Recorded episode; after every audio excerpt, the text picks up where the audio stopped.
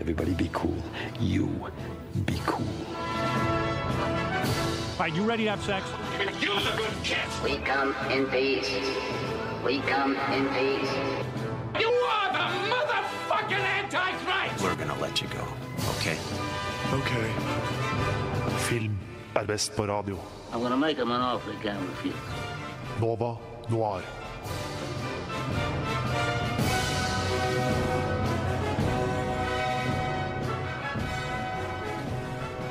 God torsdags formiddag, kjære lytter. Du hører på Radio Novas flaggskip filmprogram, nemlig Nova Noir. Eller jeg vet egentlig ikke om det er torsdags formiddag når du hører på der. Vi sitter nå i hvert fall nede i kjelleren på Chateau Neuf eh, klokka fem på en onsdags ettermiddag. Det smeller dører bak oss, og ting er egentlig bare så der. Men uh, det var en liten digresjon allerede. Uh, jeg sitter her i studio.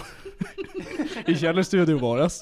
Undertegnede. Det studio vi ikke er i, mener du? Det studioet vi ikke er i, ja. Det stemmer. Vi sitter i dungeon. Noir dungeon og holder live. Uh, men vi kan, vi kan introdusere oss sjøl, si hvem vi er som sitter her og, i Marten og koser oss. Uh, Kim Sverre Hilton heter jeg, til min venstre Ludvig vil til. og til høyre. Oda Krüger. Og da er vi i gang. Vi skal snakke om mye rart i dag. Vi har temasending, som vi så ofte har. Gangsterfilmer. Hell yeah. Vi har valgt oss et genialt knippe med filmer, faktisk. Noen gamle klassikere, og noen jeg vil si nye klassikere. I hvert fall én ny klassiker. Um, og vi, vi skal, vi har to virkelig toppa lista i dag når det kommer til det. kvalitetsfilmer. ja, det er noen bangers ute og går her i I dag, hvert det fall jeg si. sånn critical acclaimed eh, filmer. Mm, mm. Og det jeg gleder meg sykt mye til å komme til, men en ting som jeg også gleder meg veldig til, er å høre sett. Sett siden sist. Og vi kan jo begynne med Oda. Hell yeah. Jeg har vært på kino. Jeg var på kino to dager på rad. Først så så jeg Syk pike, som jeg synes var overraskende bra. Jeg koste meg skikkelig mye på kinoen. Så det med en av mine beste venninner. Så da er det jo, når man ser en film i godt selskap, så blir det jo automatisk litt bedre. Og vi lo oss i hjel. Uh, den var skikkelig skikkelig morsom. Mye morsommere enn forventet. Jeg trodde Det skulle være Altså det var jo åpenbart body, body horror. Mye ekkelt og, og snørr og ekle greier. Men allikevel så klarer den å holde på dette elementet av humor, og veldig, veldig øh, mørk humor, da, det skal sies. Men, øh, og mye bisarr humor, men den var veldig morsom. Eh, dagen etterpå så, så jeg Buddies, Buddies, Buddies. Den sugde rævhøl. Den var så dårlig, den. Det, Altså, jeg så letterbox-anmeldelsen din av den, og det var det sånn når, Man vet at når du skriver sånn, når du begynner på sånn et avsnitt eller to eller tre, da hater du den Ja. filmen. Vet du hva, det syns jeg var så skuffende. Alt ved den filmen var dårlig. Den var jeg følte en veldig åpenbart formel, som ikke nødvendigvis trenger å være negativt når det kommer til film, men det her var så ukreativt og dårlig. Og som jeg skrev i anmeldelsen, denne filmen kommer til å eldes som melk, fordi den lener seg så mye på kulturelle fenomener som er hyperaktuelle nå. Og uh, dette er ting som altså døgnfluekulturmomenter. da, som Sånn de- viral shit, liksom. ja, og mye sånn TikTok-referanser og referanser til sånn uh, Oh, gaslighting is not a real thing. Nobody knows what the word even means anymore. Og det er sånn, det er en sånn vits som kommer til å være Altså, den er vi lei om to uker. Um, Eldes, eller er den død allerede? det, ja, den er kanskje dau allerede, jeg vet ikke. Men um, Det hørtes veldig sånn fem år siden ut å si. ja. Pluss. ja, nøyaktig. Så, men eh, ja, så den var bare mega Den var super-mega søppel. Så da sier jeg til eh, deg, kjære lytter der ute, det samme som jeg skrev i min Letterbox-anmeldelse, som er se hele Sola. ZOLA. Det er samme type film. Veldig moderne, lener seg på, lener seg på liksom mer moderne fenomener, men den gjør det bra, og med kreative brekk i filmen og kreative momenter i filmen som gjør den verdt å se, og gjør den underholdende på et dypere nivå enn Å, herregud, har du, husker du denne tingen som skjedde for et par uker siden? Nå sier vi det i en film, sånn at det er ekstra gøy. Så med det er det jeg har sett siden sist. Og så skal jeg selvsagt Jeg kommer aldri til å glemme at du har sett min letterbox-anmeldelse og ikke likte den, Kim. Det kommer jeg til å huske på i lang tid. Jeg vet ikke om jeg gjør saken bedre, men jeg, jeg leste egentlig ikke gjennom den heller. Jeg Nei, bare så at den det, opp, og så det gjorde det faktisk enda verre, fordi Syns ikke du det har, jeg har å si er av verdi? Det jeg har å si på Letterboxd, det er faktisk kjempeviktig. Respekterer du ikke meningene mine Respekterer om du ikke min mening om en film jeg ga to stjerner på Letterboxd? Det er det. jo åpenbart veldig viktig for, din, for ditt liv. Men hva, vi kan ta den diskusjonen senere. Ludvig, har du sett noe siden sist? Eh, eh, fra en litt dårlig film, eller veldig dårlig, vil du si, Ja. til noe sånn skikkelig trash. Fordi jeg er eh, jeg er jo en ganske aktiv uh, trash-filmgåer. Du er Jeg- the trash master jeg, av noen år. Jeg, jeg oppsøker sånne filmer. Men da skal de være så dårlige at det er bra, da.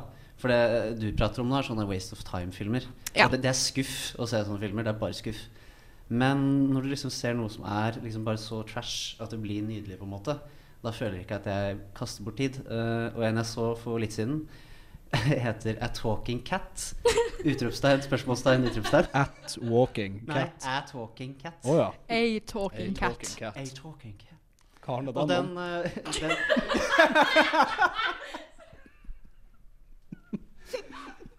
En snakkende katt? ok, ok, men, men plottet her, da. Bare se for dere Visuelt så ser den verre ut enn en studentfilm, på en måte. Eh, om, om likestilt med en studentfilm, så nesten enda verre. Bare at, eh, Og så er det viktig å påpeke at dette er en legitim filmproduksjon eh, på halvannen time. Bare sånn før vi starter. Uh, Side comment. Hvor fant du denne filmen? Hvor hørte du om den? det er enten fra eh, Alt det starter på YouTube eller Reddit. Der jeg graver meg så langt ned på internett altfor ofte. Og da finner du det verste av det verste. Uh, men filmen handler om uh, Da blir det to familier som egentlig ikke gjør noe som helst. Og så kommer det en katt som fra ingen steder som har liksom den magiske gaven at han kan prate med alle mennesker, men bare én gang. Og så skal han redde deres liv, men uh, livet deres er at han ene at eh, han ene faren liksom skal De har så De har sånn der ilands... Det er ikke ilandsproblemer engang. De har ingen familier. Det er nei, problemer. Det er liksom to random familier. Han ene skal lære å svømme for å imponere en jente. Så da kommer Da blir liksom hans eh, ønske som blir oppfylt, at naboduden som kan svømme, hjelper han å lære å svømme. Men, men, men katten arrangerer det? Ja, for- for katten går rundt og liksom bare piper rundt, og så av en eller annen grunn klarer du å lede folk eh, sammen. Eh, jeg vil bare si til alle se traileren, Fordi når du ser traileren, har du sett hele filmen.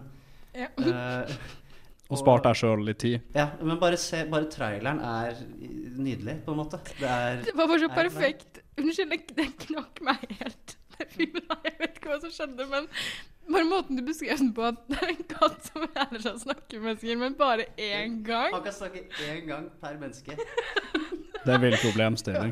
Det, er sånn det høres ut som en sånn jævla sånn Og- stoner-tanke. Og det og, og, ja, og kanskje det beste av det beste Voicen til katten er Eric Roberts, altså Julia Roberts sin bror. Som kanskje er mest kjent som sånn mafia-gangster i The Dark Knight, f.eks. Ja, ja, Ja, jeg skal er ikke til å si det. Han, er er jo, han, ja. blir jo drept av Two-Face Ja. i Og jeg ble drept av Two-Face. Og i- visstnok så tok han opp uh, rollen på 15 minutter. på, Altså, det er så lite dialog fra katten. Selv om hele konseptet Så går han rundt og liksom snakker eh, I don't make the rules, Phil. Og så, fordi alle lurer på hvorfor de bare kan uh, snakke med han én gang, og det gjør jeg òg. Ok, Så hvis, hvis du hadde vært en katt, og du kunne snakke med Men den, har jo veldig, den katten har jo veldig gode intensjoner, da. Hvis, hvis Den skal han- redde liv. Ja, det skal Har, har, Og lære folk å verdens mest sure og depressive stemme, men katten er gode i hensikter, da. Eh, Men bare, men bare se traileren, for det er, det er liksom så Man forstår det nesten ikke. Hvor dårlig, man forstår det ikke hvor dårlig det er. Så eh, man må liksom bare fikk- hoppe ut i det. Ja, jeg fikk genuint lyst til å se Jeg skal se den filmen. Jeg kødder ikke engang. Jeg tror den sånn er på YouTube, bare for all del ikke betalt for den. Hvis dere i det hele tatt klarer å gjøre det. Det er alltid et kvalitetstegn når hele filmen er ute på YouTube, og ingen har brydd seg nok til å fjerne den. Ja, shit. Jeg har sett uh, sjøl noe som jeg vet ikke om jeg syns er verken bra eller dårlig, men jeg ser på fuckings Dragon Ball Super. Som okay. Dragonball, Dragon Ball, animen, liksom. Jeg hadde sykt dilla på det da jeg var kid. Uh, det er egentlig Så sånn her liksom. Ja, det og Dragon Ball Z, liksom. Men bare sånn veldig kort oppsummert, for det er fett lang anime. Det har liksom gått siden sånn her 90-tallet eller noe, mangaen fra 80-tallet. Uh, så handler det om sånn her jævla martial artist, og så er det sånn her dude som heter Goku, som viser seg å være en alien. Han er litt som en sånn her anime-versjon av Supermann. Ah. Bare utrolig dum, liksom, og så bare slåss de mot aliens, liksom. Og så er det sånn ah, nå er det en ny sånn boss vi må slåss mot, og han er dritsterk, og så må de trene og bli sterke i han, og banke han opp, og så kommer det en ny en og en ny en, og det er sånn alle arcsene ever. Uh, og jeg bare har sånn skikkelig nostalgia-trip på det, for jeg elsker den serien da jeg var kid, som sagt. Og Dragon Ball Super er den nyeste som er kommet de siste par årene, hvor den originale man mangaforfatteren uh, ikke lenger på en måte skriver storyen, men det er en ny dude som gjør det. Jeg vet ikke, den er liksom så som så, egentlig. Den er morsom. Er det en av disse seriene som bare har holdt det gående i det uendelige. Mm. Sånn, som bare har sånn 27 sesonger og De holdt, de holdt det gående fra Jeg skal ikke si hvor lenge, men sånn, la oss si hele 90-tallet. Sånn, vi Ja. snakker noen hundre episoder. Ikke det, liksom, det er jo anime-stilen, er ikke det? Bare holde på, holde på, holde på. Ja, men de hadde en liten hiatus på en god del år. Sånn Dragon Ball Z, som liksom var det forrige, det avslutta for lenge siden, jeg tror på 90-tallet, slutten av 2000 eller noe. Og så nå, liksom i 2015 kanskje, så begynte jeg med Dragon Ball Det Super. er, da. det er Hotell Cæsar av eh, animer. Basically. Mm.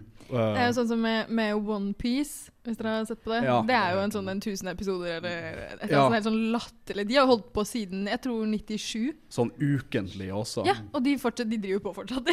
Jeg lurer på om ikke OnePiece er den serien med flest episoder, sånn longest running time ever. Det tror jeg faktisk det er. Jeg begynte å se på det Mm. back, in the, back in the day, det er et par år siden. Back in the day for et par år siden, jeg bare var 23 eller whatever. Um, så begynte jeg å se på det, og så det kom jeg liksom Jeg kom sånn 50 episoder inn og var sånn herre Jeg orker ikke å se 950 til. Nei, det er mye. Jeg har prøvd sjøl å begynne på OnePiece to eller tre ganger. Ja, liksom. og jeg syns det er litt ikke. vanskelig å se serier fra før av fordi jeg vet at det er så mye å komme gjennom. Men når jeg vet at det liksom er eh, ja, sånn 24 sesonger igjen Det er, det er altfor hardt, altså. Men det er veldig sånn nært beslekta til Dragon Ball. Og, uh, jeg vet ikke, vil jeg anbefale det? Nei, ikke egentlig. Hvis du har sett Dragon Ball som kid og er fylt med jævlig mye nostalgia, så trenger du ikke å se Dragon Ball Super. Men det er, det er grei sånn bare få tida til å gå på en søndagskveld-type ting. Så vi har noen anbefalinger, noen halve anbefalinger og noen i, i, typ, Ikke se filmen, men se YouTube-traileren, så har du det gående. Eller finn hele på YouTube. Eller kan gjerne se filmen hans. Bare kommer til å le og være forvirra. Ja, ikke ta det som en direkte anbefaling fra oss. Uh, når vi kommer tilbake, så skal vi gå tilbake til temaet vårt, gangsterfilmer. Og den første filmen vi begynner på, blir Goodfellas. Fra ende til annen intenst. Nova Noir. Uh, det var You Gotta Go av Naya. Vi skal snakke, eller heller vi skal dykke inn i de filmene som vi har valgt ut Goodfellas til å begynne med. Men før den tid så skal vi bare egentlig ta en liten fot i bakken og snakke om hva er en gangsterfilm egentlig.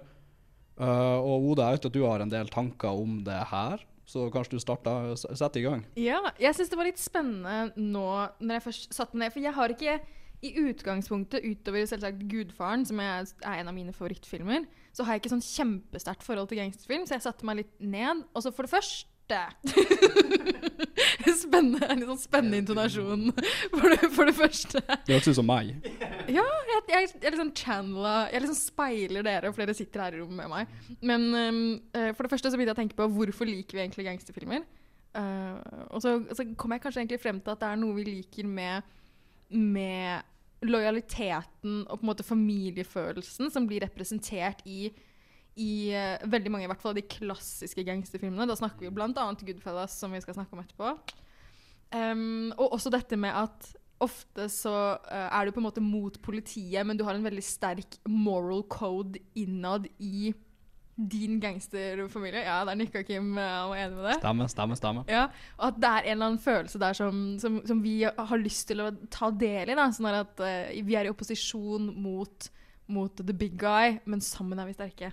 Jeg tror også det har mye med at Jeg skal ikke si at alle gangsterfilmer gjør det, fordi vi har f.eks. en her som er på lista vår som jeg syns ikke gjør det. Men mange gangsterfilmer, kanskje av Scorsese, er sånn Jeg skal ikke si at de glorifiserer gangsterliv, men de gjør det litt sånn, Jo, litt, litt sånn sexy, på en måte. Det er sånn at Vi Ja, tjener fett masse penger, liksom. Vi får masse damer, liksom. Og vi er så jævlig gutta krutt. De fleste mainstream gangsterfilmer gjør jo det. Mm. Spesielt fra USA. Ja, og ja, det var det jeg også skulle si, at veldig mange av det de har til felles i disse filmene, er jo at det er sånn Italian Americans Eller at the Irish Nei, the Irish Americans. The Irish! The Irish. Jeg vet sa hun med italienske hender mens hun gjorde det. Jeg tror det var derfor du datt ut litt. Ja. Det var, ja. Nei, det, um, det er veldig sånn USA-fokuserte gangsterfilmer. Det er, det, det, er, det er glorifisert, det vil jeg si. For du merker med et eksempel etterpå at med en gang du drar ut av USA, så kan det fort bli røffere og litt mer realistisk og ikke så veldig glorifiserende. Uh, men det er fortsatt gangsterfilm, på en måte. Men når jeg hører ordet gangsterfilm, så tenker jeg med en gang Dress. De amerikanske, nei, de amerikanske Gudfaren og Gudfølge, så er liksom Mm. de to første som kommer. Mm. Og så har jeg tenkt litt på forskjellen mellom uh, bare filmer om kriminelle og gangsterfilmer. For det er, Ja. det er ikke det samme. Det er, en, det er en distinction der. I hvert fall det vi, kom, eller det vi assosierer med den tradisjonelle Men kanskje det vi skal gjøre i dag? Vi skal tenke, gå litt sånn utenfor det tradisjonelle. For vi har jo et par wildcards uh, inne, inne her. Men jeg gikk også på den veldig uh, uh, kjente filmsiden filmsite.org. Favorittsida mi. Ja, min òg. elsker å henge der. For å se hva, hva mener folket at er kjennetegnet på en gangsterfilm. Og det var jo veldig masse nyanser her. Da. Det var jo På alle sidene jeg sjekket innom, så var det på en måte Det var uh, Yakuza-gangsterfilmer ikke sant? som er satt i Japan. Og det var amerikanske og europeiske. Det er veldig mange forskjellige nyanser og subgenres innenfor gangsterfilm. Men det de fleste hadde til felles, var at det er film som følger gjenger og eller organisert kriminalitet. Mm, mm. Så det er jo et ganske vidt begrep i seg selv. Og så sto det også på, på filmsite.org, min nye favorittside, at det ofte, eller at det i hvert fall startet i en slags film noir-aktig Ja. måte. Ja, at, det var den, at den skulle være mørk og, og, og ja. Ja, for jeg synes Man må drille seg litt ned der, for med den her definisjonen at det er bare organisert kriminalitet, så kan du jo argumentere for at liksom en, mange westerner er gangsterfilmer. Ja, liksom. det er det veldig gøy at du sa, fordi det sto det på filmsite.org også, at nå i, i senere tid så har de også laget en distinction da, mellom western og at, sånn at alt dette her er undersjangre. Det er så mange undersjangre, vet du. Det er så mange nyanser i gangsterfilm. Og så har jeg også skrevet en egenliste som er hva er en gangsterfilm ifølge meg. Og da er den, det første punktet er det samme som det første punktet fra filmsite.org. Film som følger gjenger og eller organisert kriminalitet.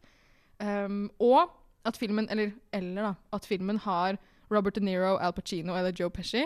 Fordi jeg føler at de er, de er i veldig mange gangsterfilmer. De er det. Og veldig mange liksom, klassiske, sånn gode Ja, gangsterfilmer. altså, så, så Pacino er både i Gudfaren og Scarface, og liksom, ja, også De Niro er jo overalt, og ja, han blir nesten ikke kvitt den, selv om du prøver.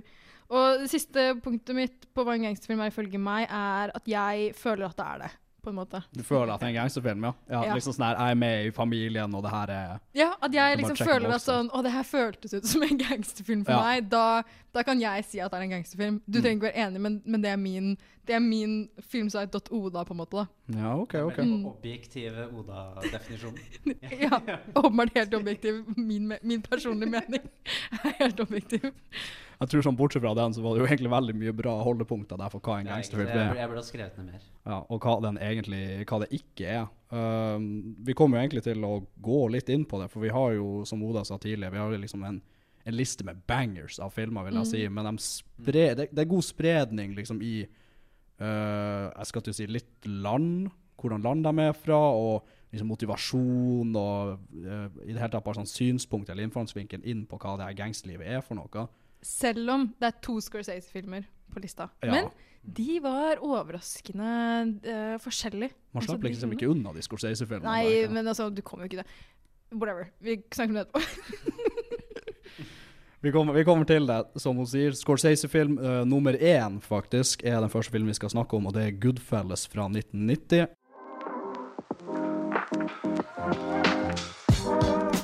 Nova Noir. Film på radio. Hver torsdag 10 til 12, eller i din podkast-app når som helst. Og nå skal vi bevege oss over til vår første film og gangstersendinga vår. Jeg nevnte allerede Goodfellas, regissert av Martin Scorsese, handler om Henry Hill, som spilles av Ray Liotta, rest in peace, uh, som egentlig vokser opp som en kid med å liksom glorifisere en sånn uh, nabolags mafiafamilie. De er liksom italienske amerikanere, hele gjengen. Uh, og han uh, prøver å komme seg inn i denne familien da, og jobbe seg gjennom rangen liksom, til å bli liksom, topp dog i denne mafiafamilien. Eh, og han får med seg alt det som den type liv gir han. Han får pengene og bilene og damene, og en god del med vold også. Never rat on your friends, and always keep your mouth shut. As far back as I can remember, I always wanted to be a gangster. Hey, Mom, what do you think? You look like a gangster. By the time I grew up, there was 30 billion a year in cargo moving through Idlewild Airport. Believe me, we tried to steal every bit of it. What do you do? I'm in construction. He's not Jewish. Mazel tov. For most of the guys, killings got. Vi eh, gikk ganske hardt fra start, egentlig, føler jeg, for nå har vi tatt en Det her er en classic når det Ja. kommer til gangsterfilmer.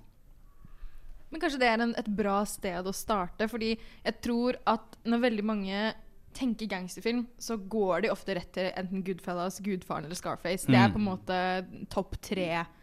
Inngang. Inngang. Ja. Til, ja altså, jeg, vet du hva, jeg tror Goodfellas, og Gudfaren spesielt kanskje, er veldig manges uh, første møte med gangsterfilm. Jeg tror Goodfellas kanskje var den første gangsterfilmen jeg så. Den Mm. eller The Departed, egentlig. Ikke at jeg, ikke at jeg liksom var gammel nok til å se noen av dem, men det er liksom sånn her Du kan catche far din liksom i stua se han, se han, se her Faren min introduserte Gudfaren til meg rundt sånn 13-14. Og da så jeg, rundt samme tid så jeg det partet på kino. Så det var de to oppå hverandre. Er vi fans av denne filmen? Liker vi den? Ja, vi digger den. Vi gjør det. Jeg, liker den ja, helt fint. Den var faktisk, når jeg så den igjen nå, så var den hakket dårligere enn jeg huska den. Men du, det kan jeg egentlig være enig i. At den er Jeg syns at For dette er den gikk liksom fra å være om ikke sexy på terningen, men nesten så har den gått litt ned. Jeg vet ikke, Kanskje jeg har blitt litt mer kynisk til film, eller bare har blitt litt uh, sånn miljøskadet så mange av disse her. At du kan bli litt lei. Jeg vet ikke. Eh, Jeg tror at det ligger noe i det du sier, og også noe i det som Kim sa i stad, om hvor mye gangsterfilmer egentlig eh, glorifiserer gangstermiljøet. Fordi denne filmen er på en måte Den, den fremstiller jo gangstermiljøet og mafiavirksomhet som noe nesten romantisk. ikke sant? Dette, Ja. er jo, dette er jo målet til Henry Hill helt fra starten av. Den første setningen i filmen er 'Ever since I, I can remember I wanted to be a gangster'. Han høres jo- ikke sånn ut, så jeg vet ikke helt hva slags invitasjon Du det var. glemte Italian hands-on dine. Ja, vent, vent, vent, la meg prøve igjen. Du var cowboy. Du, Ever since I was a little boy, I always du er en cowboy? Ever since I was a boy. det. Stopp en hal! Stopp en hal! Ok, men, okay, Poenget mitt står Det første, første setningen vi hører i filmen, punktum, er Ever since I was a little boy, I always wanted to be a Mm. gangster. Eller as long as I can remember, I wanted to be a gangster. Så det er jo, handler jo om en mann som har et mål om å bli gangster, og jobber hardt for å få det, nå det målet å bli den beste gangsteren. Og så tror jeg at Det er, det er basert på Det er en sakprosabok Ja. eh, av den personen, så det står sikkert i boka, det òg. Ja, 100 og, og, eh, Men jeg tror at kanskje vi, jo eldre vi blir, og jo mer film vi ser, så er vi kanskje litt Det blir kanskje Vi syns det er fetere å se det nitty-gritty og det skitne og det, det fæle ved gangsterfilm. Jeg syns også at Igjen til det du sier om at det liksom romantiserer og gjør det litt sånn her sexy, på en måte. Den blir jo jævlig voldelig. Og liksom den viser jo at det her er et fucka liv. liksom sånn her. Det tar ikke lange tida før de liksom står og bare begraver lik og alt mulig. og De ender jo opp med å bare skyte folk liksom i øst og vest. De dreper jo hverandre over den laveste skoen, liksom. Men det er noe med liksom sånn her ton i filmen som gjør at det blir liksom ikke sånn horrific, fatter du hva jeg mener? Ja. Det er liksom fortsatt litt sånn light-hearted og litt sånn komisk, og de er liksom karakterer. Jeg tror det hjelper litt med at karakterene i seg sjøl er bare fette kyniske. Sånn det er ingen av dem som har noe remorse for noe av det fæle som skjer i denne filmen i det hele tatt. Vi begynner jo ikke å se det før litt ut mot slutten av filmen. Så ser vi jo Henry Hill, altså Ray Liotta sin karakter, begynner å få noe tvil. Men det er liksom de to første kommentarene jeg har skrevet her når jeg har sittet og tatt litt notater. Den første er RIP Ray Liotta og satt litt hjerte. Fordi Rip, rip. Åh, miss my guy. Pour one out. Mm. Um, og så kommentar nummer to er bare Joe Pesci er unhinged. Fordi det første vi ser i filmen, er at han bare kaster seg over en mann som er nesten dau, og knivstikker han sånn 15 ganger i magen. Og så er, det, og så er, det, altså er musikken i bakgrunnen sånn du, du, du, Jo, Joe Pesci i denne filmen her, han er som om en sånn rabiat jævla chihuahua så et stjerneskudd og ønsker at den kunne bli et menneske mafiaboss, liksom. Det er akkurat den energien han bringer i den karakteren. Han er liksom Han er fullstendig psycho, på en måte.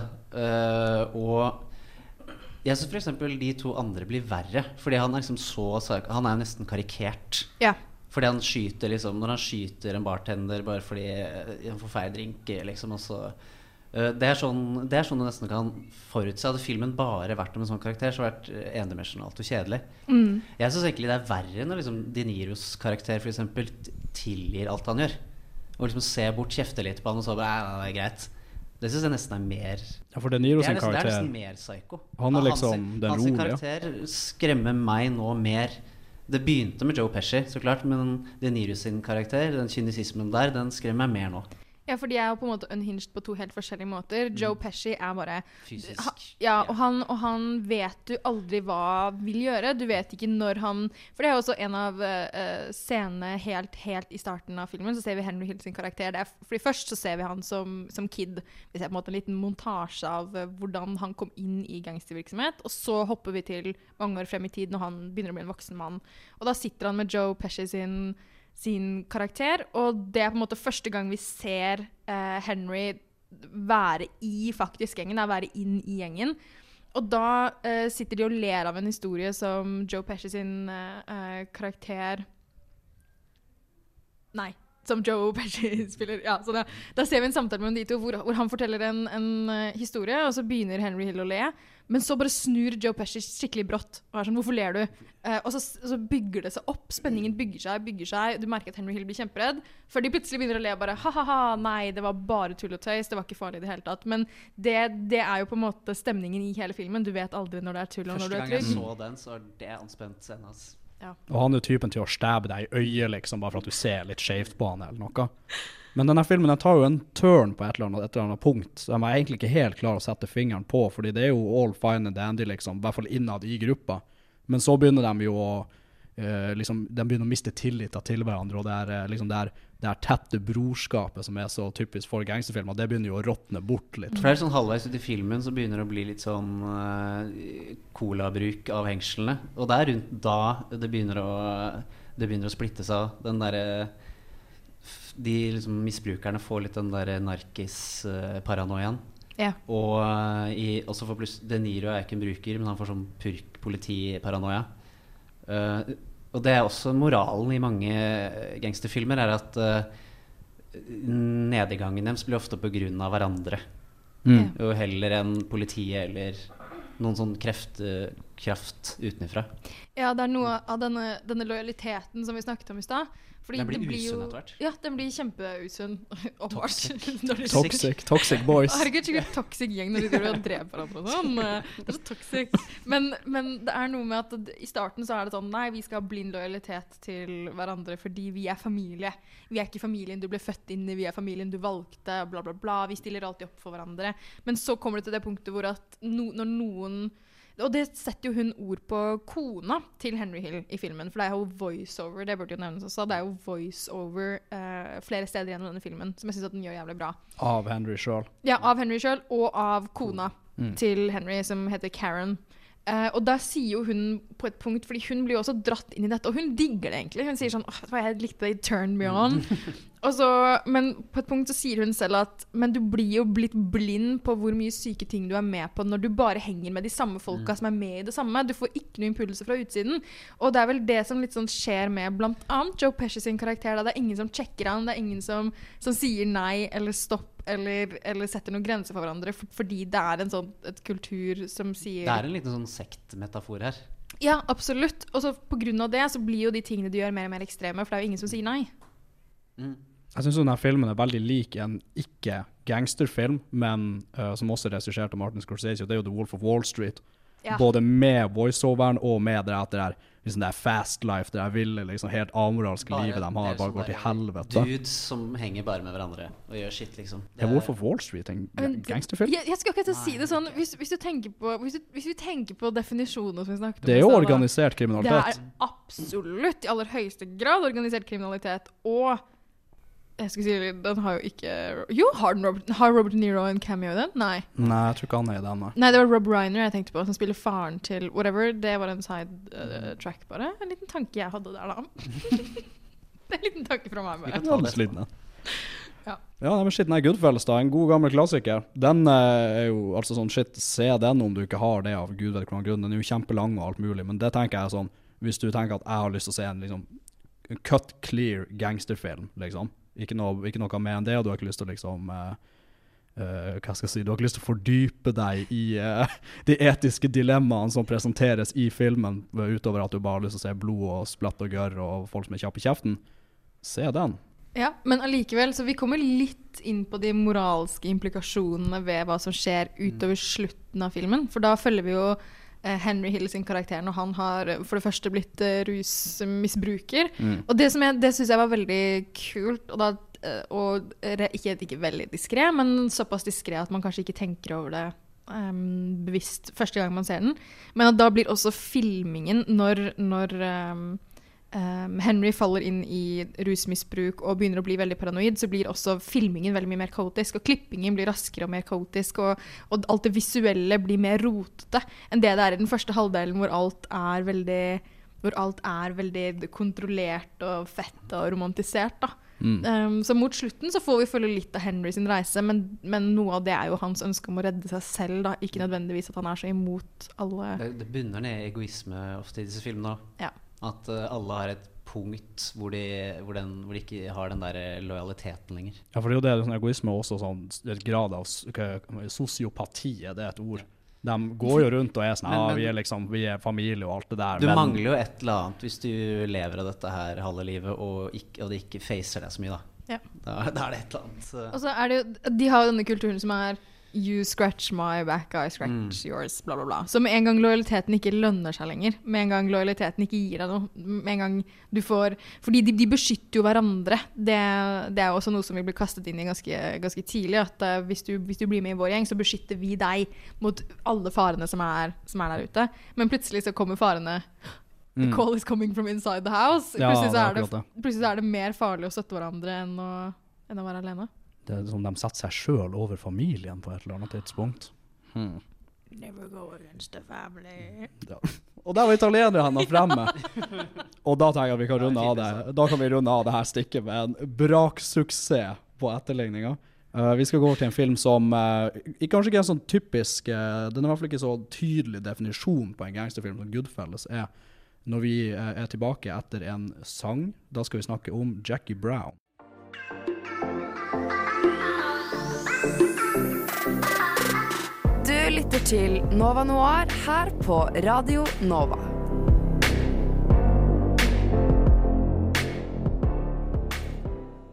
Neste film vi skal snakke om, Oda, hva er det for noe? Det er Jackie Brown, baby! Den er uh, fra 1997, regissert av Quentin Tarantino. Dette er uh, relativt tidlig i hans karriere. Uh, Jackie Brown, det handler om karakteren Jackie Brown. Asjak. sjakk. Nei, ikke sant, um, og hun er en flyvertinne som blir tatt helt uh, i starten av filmen med uh, 10 000 dollar i veska si som hun har smuglet inn fra Mexico. Det er helt skandale. Men i den posen så er det, er det litt drugs også, som hun ikke visste om at skulle være der.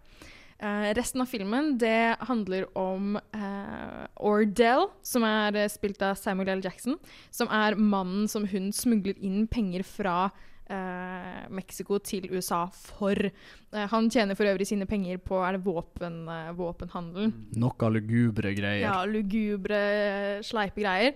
Så har vi jo Ordell sin eh, right hand man, som er eh, Louis Gara. Eller Louis Gara. Spilt av Robert De Niro. Så der har vi første check på, på definisjonen på gangsterfilm. Som den har Robert De Niro i seg. Men Robert De Niro som peak patetisk eh. Ja, stusslig er karakter.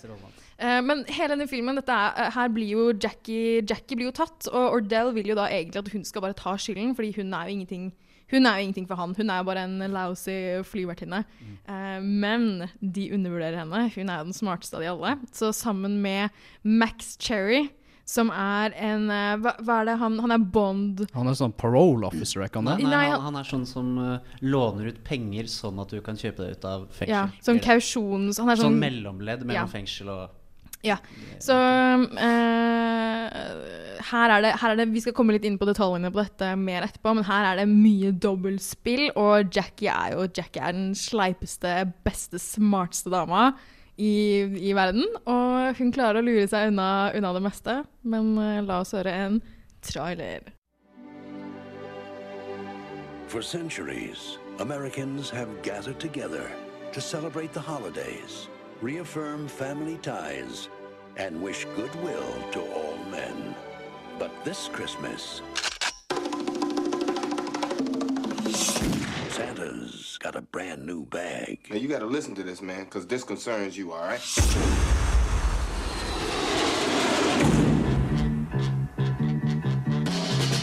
You had the chance to walk off with a half million dollars, would you take it? Yeah.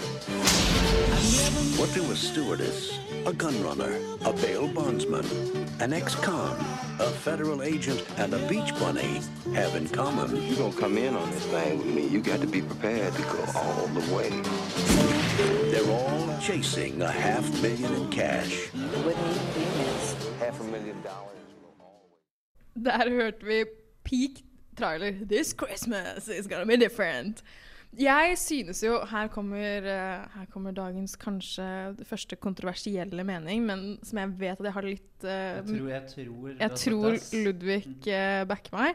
Og det er at jeg mener helt genuint at Jackie Brown er Quentin Tarantinos beste film. Og det, det, når jeg sier det, så sier jeg det med brystet. Og med, jeg sier det med hele meg, for jeg mener det så sterkt. Samuel L. Jackson er enig med deg. Så er han det? Ja. Men OK, for det første denne filmen er på ingen måte som en typisk Quentin Tarantino-film. Den er mye mer nedtona.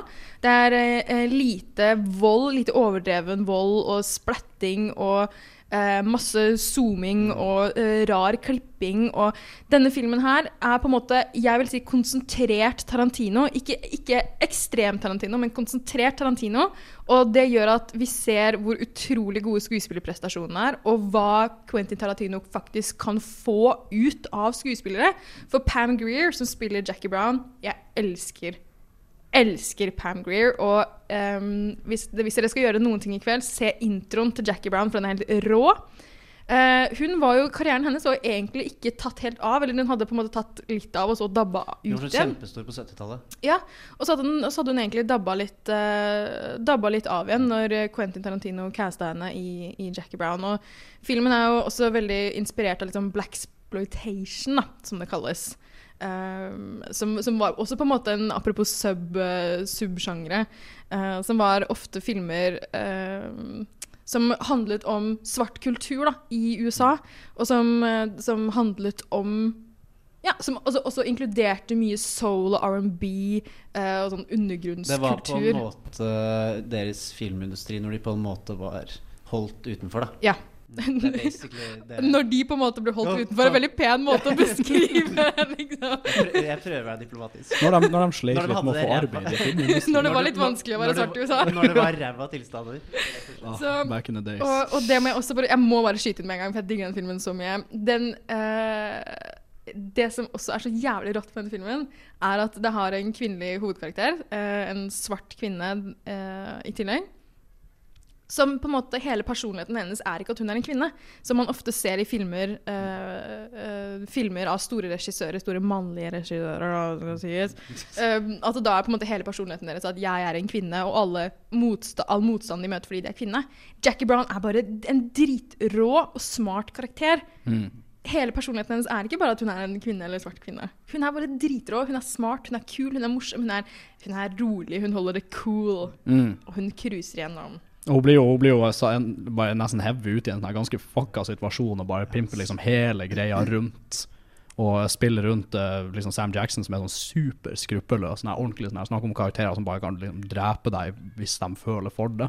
Ja, litt sånn Joe Pesci i, i Goodfellas-energi. litt grann, bare sånn Bare la- minus bare- kokain. Bare sånn skummelt lavmælt. Skummelt Ja. lavmælt, ja. Han er, han er rolig cool, han òg, ikke Ja, sant? men, ja, men Men han, så han er liksom en psycho-versjon av Jackie Brown.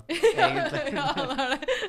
Fordi ja, når de prater med hverandre, så heves aldri stemmen. Selv om de krangler, og det er, det er så jævlig kul dialog. Selv, om, selv, om, selv om mange andre karakterer ville liksom vært i harnisk, og én ville skreket og sånn, men de bare er cool hele tiden. Mm. Selv om det de snakker om, er jo helt sjukt, liksom. Skyter deg i huet. Liksom. Grunnen til at jeg mener at dette er At den kan gå innenfor gangster uh, Altså med Ja, hvis, hvis vi skrur på godvilja litt, da, for dette var jo mitt, uh, dette var mitt valg, uh, er at dette er jo organisert kriminalitet i aller høyeste grad. Det er bare litt mer lugubert og litt mer hva skal man si, lavbudsjettkriminalitet. Ja, er det lov å si? ja, fordi 500, 5 millioner kroner er ikke så mye penger. Nei, men det er det de jobber for Men å få smuglet over. Men det er jævla big deal her. Ja. Men eh, Kim, du hadde jo ikke sett filmen før. Hva, Mm. hva var ditt inntrykk nå liksom, å se den for første gang nå? Jeg syns den var dritbra. Jeg vet ikke om jeg syns det, var- det var den beste Tarantino-filmen, eller min favoritt-Tarantino-film, men uh, jeg likte Nei, at alle kan jo ikke ta rett liksom hele tiden. Så det. Nei. Det, det, det blir hardt. Nei, unnskyld, fortsett. sub subjektiv, min subjektive sannhet.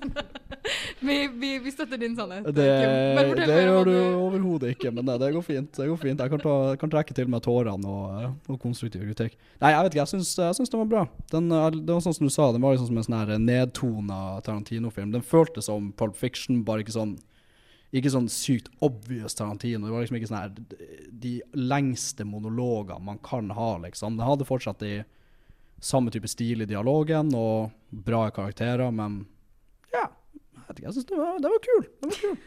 Så syns du det er en gangsterfilm, da? Det syns jeg ikke. Det syns jeg ikke i det hele tatt. At den er Ok, Men snakk litt om det, da. Det er jo gangsterkjenning. Ja, det kan vi snakke om. Det Organisert kriminalitet, det er det jo ikke. Nesten den eneste som er liksom en gangster i denne filmen, det er jo Ordell. ja, Ordell og ja, De Niro. Jeg vet ikke hva De Niro sin karakter er i denne filmen. Var Og- deprimert. Jo, han er jo, han er jo en ex-con, fordi Robert De Niro sin karakter og Samuel L. Jackson sin karakter, altså Louis og Ordell, Mm. de møttes jo i fengsel. Ja. Uh, fordi der var de begge inne for, for uh, forskjellige kriminelle handlinger. Og så um, holdt jeg på å si, uh, samla de flokken igjen utenfor nå, og nå begynte de med våpenhandel og Ja. sånne ting. da. Jeg syns nesten mer denne filmen minner om en heist-film enn en gangsterfilm. Ja, men det kan faktisk være sant. Fordi men, de, de er jo liksom gangstere, og ja, de har jo en eller annen organisert liksom, operasjon, men på en måte plottet i filmen er jo ikke det. Det er jo bare at hun, hun samarbeider jo med dem, akkurat sånn det var at hun begynner med, og så går det dårlig, og så skal hun begynne å dobbeltcrosse dem, fordi dem, eller Ordell da spesifikt, eh, kommer jo alle mest sannsynlig til å ta livet av henne, liksom, hvis ikke hun finner på noe lurt. Uh, men så triple crosser hun dem. Fordi Ja. hun, hun samarbeider med eh, FBI, er det det de er? Eller hva, hva er det de er for noe? Ja. Michael Keaton? Ja, de, er, Michael de er bare sånn økokrim, er det ikke? det? Ja, da sånn- faen hva de er for noe. De bare dukker opp og gjør helvete. Sånn politifolk, Ja. liksom sånn sketchy politifolk. Og det er de som tar henne, og så sier hun OK, jeg kan samarbeide med dere om å ta Ordell. Men så sier hun til Ordell og forresten, jeg har sagt til politiet at jeg samarbeider med dem for å ta deg. Men så går det en dobbel runde rundt det igjen. Heist-film. Det er en jævla så går det en dobbel runde rundt det igjen for å samarbeide med Max Cherry, han, um, han kausjon, kausjonisten, eller hva det heter for noe, Mm. uh, for, å, for å ta pengene sjæl, da. Og jeg syns, jeg syns bare hun er så rå. Jeg så en Letterboxd review som sa at eh, if, uh, var det sånn If Jackie scams me, that's on me. She caught me slipping, liksom. Ja. Det, det var mitt ansvar, fordi hun er bare så Sånn er så det, liksom. Men hvis vi skal følge min liste da, over hva som definerer en gangsterfilm, så har denne filmen Robert De Niro. Det er sant. Det har den. Og det er veldig Men det har også The Intern, og det er ikke en gangsterfilm. men, det, men den har ikke de andre momentene. Nei. Men har den her er- noen av de andre momentene? Er organisert kriminalitet. Det er jo på en måte organisert. Jeg- jeg- Og jeg det faktum at jeg føler at det er det. ja, der har vi det. Der har vi liksom hovedargumentet mitt. Det viktigste punktet, faktisk. Ja, De to viktigste punktene, De Niro og Oda sin veldig subjektive mening om det er en gangsterfilm eller ikke. Jeg vil kanskje står mellom, du? mellom krim og gangster. For jeg føler liksom Odell er på en måte en organisert kriminell alene. Litt stusslig. Liksom- Og det er bare sånn Egentlig Så han er er, jeg veldig så det, enig. det, en, det er en gangsterfilm er lo- med én Han, gangster. han, er- han er loner, han er loner-mafia, rett og slett. Han, gjør alt selv. Men vet du hva, Egentlig så er jeg helt enig i det, men det får meg til å like den enda mer. For det er så sjukt at han bare organiserer det sjøl. Men, men han har jo noen hjelpere, der, for han har jo Louis Gara. Eller Louis jeg husker, Nå husker jeg ikke om de sier Louis eller Louis. Louis. Men han, er, men han er jo en fullstendig idiot, fordi filmen åpner med at han eh, en av de andre liksom, medsammensvorne hans som han leier eh, Han spilte av Chris Tucker i en tidligere rolle. Han dreper han i starten. Liksom, han kjøper han ut av fengsel for å drepe han, så han ikke skal sladre. Det er jo, det er jo amateur hour. Og så Odell er jo egentlig en jævla taper. Ja, Odell er megataper. Altså.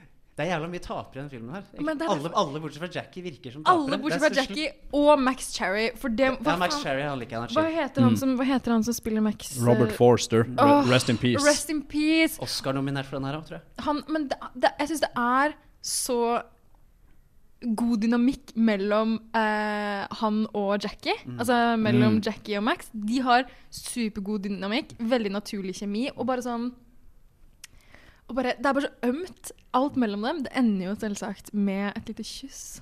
Mellom det tror jeg på, den Max der, eh, og. Jackie. Mm. Ja, Det jeg òg tror på den. Det er ikke påtvunget, det kysset. Jeg, jeg ser på det kysset, og det har en alvorlig konsekvens, som er at jeg vil være med i det kysset. Jeg vil at de skal kysse meg. Begge to. Begge to samtidig. Jeg vil stå i midten av det Så bare kysset. photoshoppe hodet sånn innimellom der.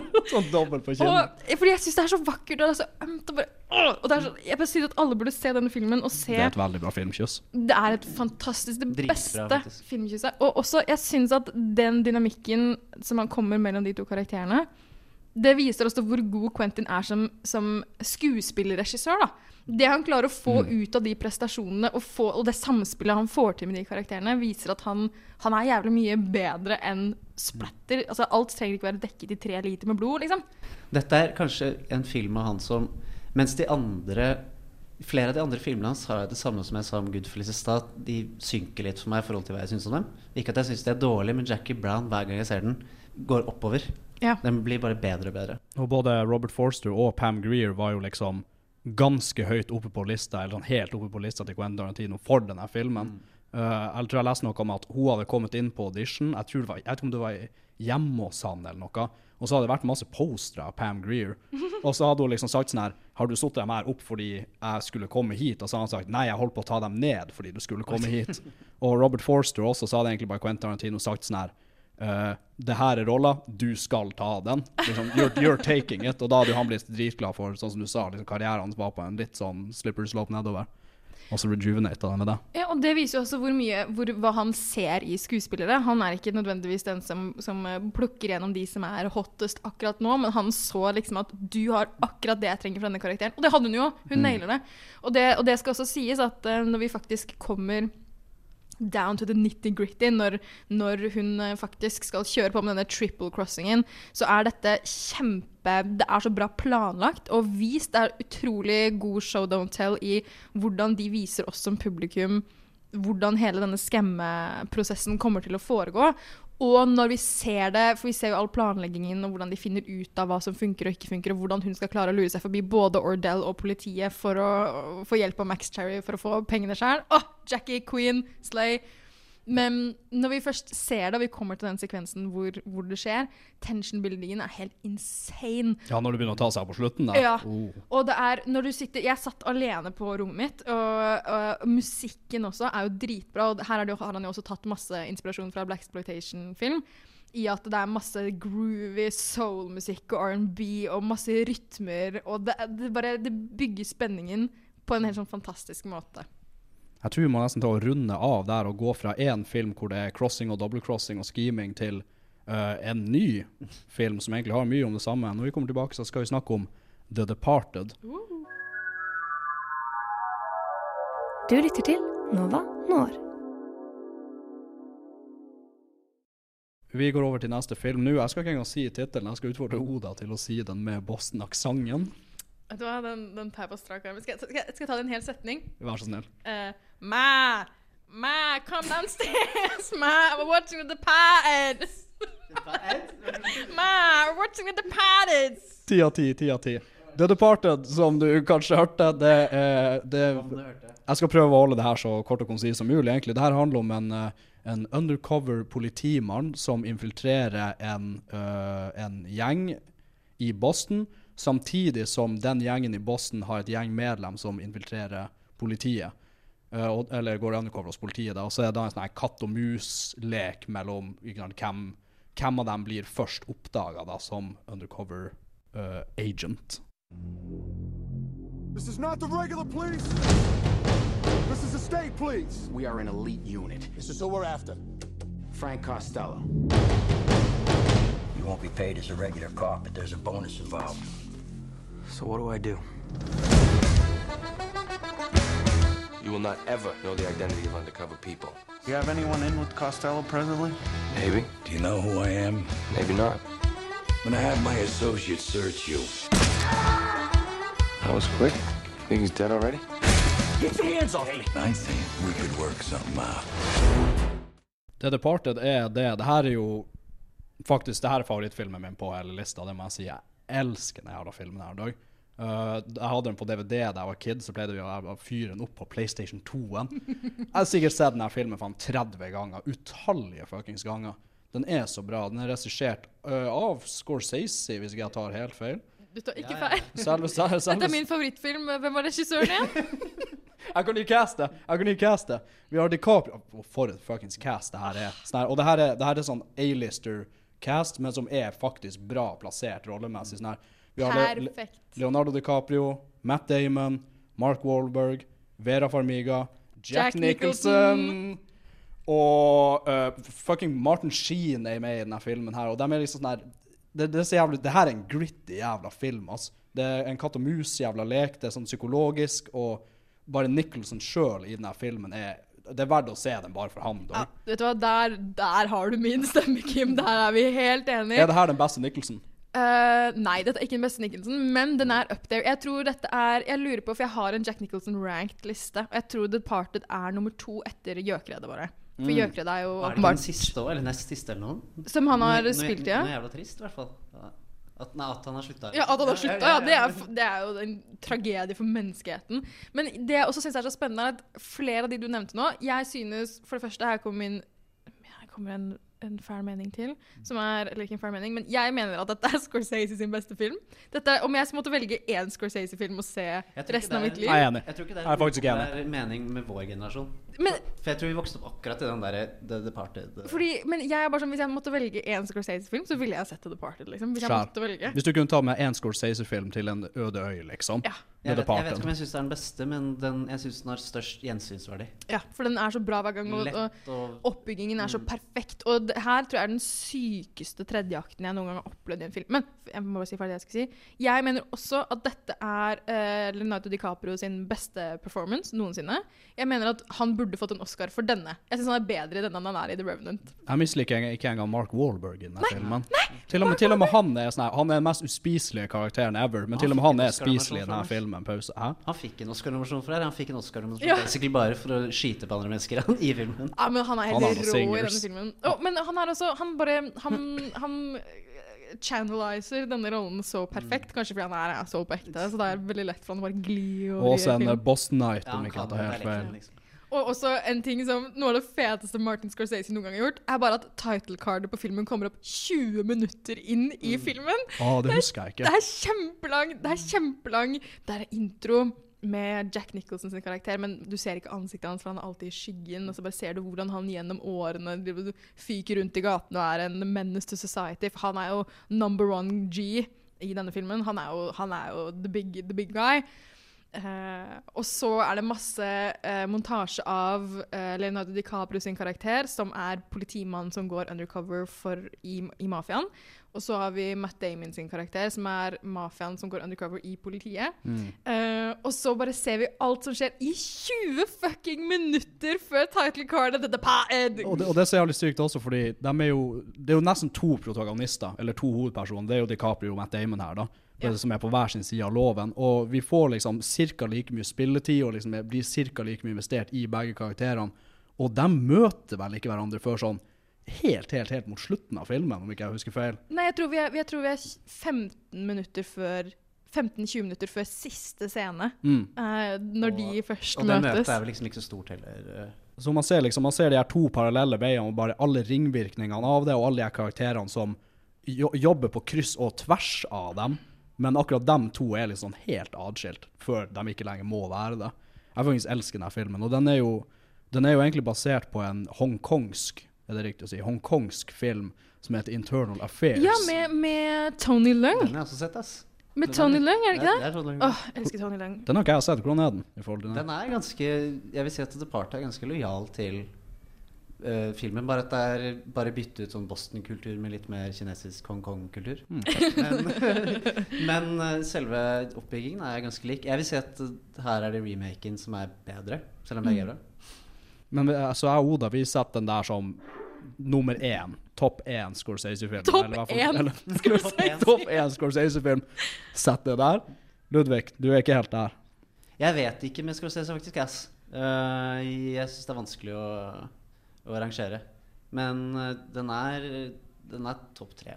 ja. Og det er jo åpenbart en gangsterfilm, det her. Ja, det er dette er så gangster som du får det. Og det er kult at både Goodfellas og The Departed er Scorsese-filmer, for da ser du også utviklingen i hvordan vi ser på gangsterfilmer fra når var det uh, Goodfellas kom ut i 1990, Mm. mens The Departed kom ut i 2006. Og da ser du hvor mye som har skjedd uh, bare på 16 år. da. For her, her ser vi det skitne delen av uh, mafiakulturen. Her, her er det skittent fra starten av. Noe av det første vi ser, er liksom uh, Jack Nicholson sin karakter som går bort til en dame på den lokale, lokale butikken og er sånn You got your period yet? og så tipser han henne sånn 100 euro, nei, 100 dollar. altså, Jack Nicholson i denne filmen er helt rå. Det er en scene mellom Og det er jo bare helt rått å se Jack Nicholson og Leonardo DiCaprio sammen. Altså, det er, det er Mm. peak form. Er det den Eh, med skoen? Ja. Nei, ikke, ikke med skoen. Dette er, når, um, dette er en scene hvor, hvor Jack Nicholson begynner å mistenke at uh, Leonardo DiCaprio faktisk er undercover cop. Og eh, Leonardo DiCaprio selv har jo sagt at uh, det er den råeste skuespilleropplevelsen jeg noen gang har hatt. Det var å sitte overfor Jack Nicholson i den scenen. Fordi han, han eh, gjorde noe nytt hver gang. Han improviserte masse roller. Han har en sånn, en sånn skikkelig merkelig måte å bevege kroppen sin på, og så skal han jo være truende samtidig. Ja. Så um, i den scenen da, da begynner det, spenningen bygger seg, og du merker, vi skjønner at ok, nå begynner eh, Frank, som er Jack Nicholson sin karakter, å virkelig mistenke Leonardo DiCaprio sin karakter, som heter Billy. Um, og når Billy prøver å forsvare seg selv, så bare mister Oi, han er litt sånn clumsy. Så mister han noe på gulvet, da. Uh, Jack Nicholson sin karakter. Og når han lener seg ned og tar det opp igjen, så er det en pistol. Så han liksom bare på, på, på lek liksom mista en pistol i gulvet og tar den opp igjen, og så sitter han plutselig med pistolen i hånda og bare ser intenst på han og bare sånn Why didn't I get your number? Det er sånn hver jævla scene med, mellom dem to er faen liksom nerve-wracking. Og DiCaprio sin karakter, man ser jo bare hvor mye den, hvor mye den rolla hans tar på han. Han begynner å gå til psykologen, liksom, og han begynner å ta liksom, dop eller sovepiller, alt mulig. Han blir jo bare helt sånn brutt i løpet av den jævla filmen. Og han skal liksom være den fyren du heier på, da. Uh, og så går han egentlig over til å Jeg vet ikke. Jeg mista tankerekka militær, men det, det, er bare, Han- altså, det- det, er bare, det er bare vondt å se på, Ja, for jeg liksom. tror det du vil frem til, som han også setter ord på i filmen, er at han begynner å miste seg selv. Fordi når du, når du er, har to identiteter samtidig, Um, uh, og du da du dykker så dypt inn i en ny identitet som er omvendt av alt du gjør, som altså, du er med på å begå mord, du er med på å gjøre helt forferdelige ting uh, for, for jobben din. Ehm, så, så ser vi på en måte hvordan han sakte, men sikkert også mister grepet på sin egen identitet. Da. Mm, spot on, spot ja, jeg skjønte hvor du ville. Det er bra. I got you, bro. Ja, jeg satte pris på det. Det er mye bedre sagt enn jeg kunne sagt det. Mye, mye, mye bedre. Men det, men det er superfascinerende å se at han blir jo en veldig eh, nyansert karakter oppi dette. Og det bare Altså, det, den, den filmen her er så rå. Og tredjeakten er faen helt gal. Det går jo ikke The twists and turns. Altså, det, altså OK. Denne har nå vært eh, ute i liksom 15 to, Vi har, vi har spoila som faen ja, allerede denne sendinga, så Altså, fuck it. alle karakterene, bortsett fra Mark Wahlberg sin, dør. Og Oi. det skjer i, i et span av sånn 20 minutter, så dør alle. Og i løpet på Jeg tror det er sånn sju karakterer som dør på rad i løpet av eh, fire minutter eller noe sånt. Nå. Mm. Og det er sånn, det er sånn dominoeffekt, nesten. Fordi det er liksom da mange av de karakterene endelig møtes, og det, du, du ser bare de her liksom kortene som er stekka oppå hverandre, så bare detter liksom én etter én etter én, og så er det sånn pistolskudd. En karakter døde, så går det et minutt, nytt pistolskudd, karakter døde. Det er nesten, nesten komisk Ja. hvor hyppig det skjer. Ja, ja. Og så er det, så er det sånn eh, Karakter 1 skyter karakter 2. eh, så kommer karakter 3 og skyter karakter 2. Så kommer det karakter 4 og skyter karakter 3. Det er, det er sånn det, Ingen overlever i men, men det som også er veldig uh, spennende i denne filmen, er jo at vi finner ut at uh, Jack Nicholson sin karakter, som er hovedskurken, hovedgangsteren, har vært en informant for FBI hele tiden. Så her kommer det også frem dette elementet som vi snakket om tidligere, at vi beskytter hverandre i, i vår gangsterfamilie, men bare til det nivået hvor vi fortsatt er beskytta. Mm. Og jeg hjelper deg så lenge du hjelper meg. Uh, så det her er det også en sånn veldig skitten sirkel av uh, betrayal. Det er akkurat det. Det er bare- rasshøl. Bare rasshøl. Eller sånn, det, det som er med denne filmen, at det er jo egentlig ikke det. Det er litt det med DiCaprio, ikke sant? At han, han skal jo egentlig ikke være det. Det er jo liksom en politimann som liksom går inn for det. bare. Det er det, og så blir han jo han, han har tungt for det skillet der, og da ser man at sånn her OK, det er ikke gangsterlivet som går ut over folk som valgte gangsterlivet, det, liksom, det skjer med folk som liksom. Ja, som ikke sant, går imot det, og liksom prøver å liksom, jobbe mot det. da. Og det skjer ikke over liksom, en han- pistolduell. Han, han er jo samtidig òg den eneste politimannen som ikke er litt uh, drittsekk òg. Mhm. Det er han, i motsetning til Mark, Mark Wahlberg sin karakter, som er den største, største kuken jeg har opplevd i mitt liv. Men, men OK, så denne her følger jo Vi er alle enige om at dette er en gangsterfilm. Det er en ja. Altså dette, Denne følger alle skalaer, og den følger til og med min. Bortsett fra at den har ikke Robert De Niro eller Al Pacino eller Joe Dette Pesci. var, dette var da han bytta ut De Niro med DiCaprio. Ja. Det var vel rundt Det er akkurat veldig rart at ikke men, Replace I have, an, I have, I have a new apprentice now. men, men når, når, jeg satt og så, når jeg satt og så rulleteksten, for det sitter man jo og ser på av og til, så så jeg at Brad Pitt var produsent på Han filmen. produserer masse What the filmer. fuck? Ja, men At han var produsent på The, the, the Pair. Med rollelista så er det faen meg rart at Brad Pitt ikke var med i den filmen. Ja. for å være helt Kanskje han ærlig. hadde stor Kanskje han- bakgrunn. kanskje han sånn. egentlig ville det. Han hadde en sånn cameo som en sånn her tilfeldig liksom, gangster eller et eller annet. Han står i, står i bakgrunnen og røyker en sigg og sier mæ. Men så bortsett fra De Niro, da, så har vi egentlig kryssa av hele lista di nå på Ja. at The Departed er definitivt en gangsterfilm. Ja, ja. En Og den har Jack Nicholson. Jeg er jo faen i Robert De Niro når vi har Jack. Det er akkurat Hæ? det. Jack som ifølge Oda i sin nest beste rolletolkning, ifølge meg og Oda Scorsese sin beste film, ifølge Ludvig Scorsese sin match, eh, mest uh, rewatchable film. Ja, ass. 100% Vi skal bevege oss over til en film som kanskje er Som kanskje er den som skiller seg mest ut fra de andre her. Uh, for eksempelvis fordi den ikke er amerikansk. In a world that's powered by violence. In a world without gas. In a world where owning a radio was strictly forbidden.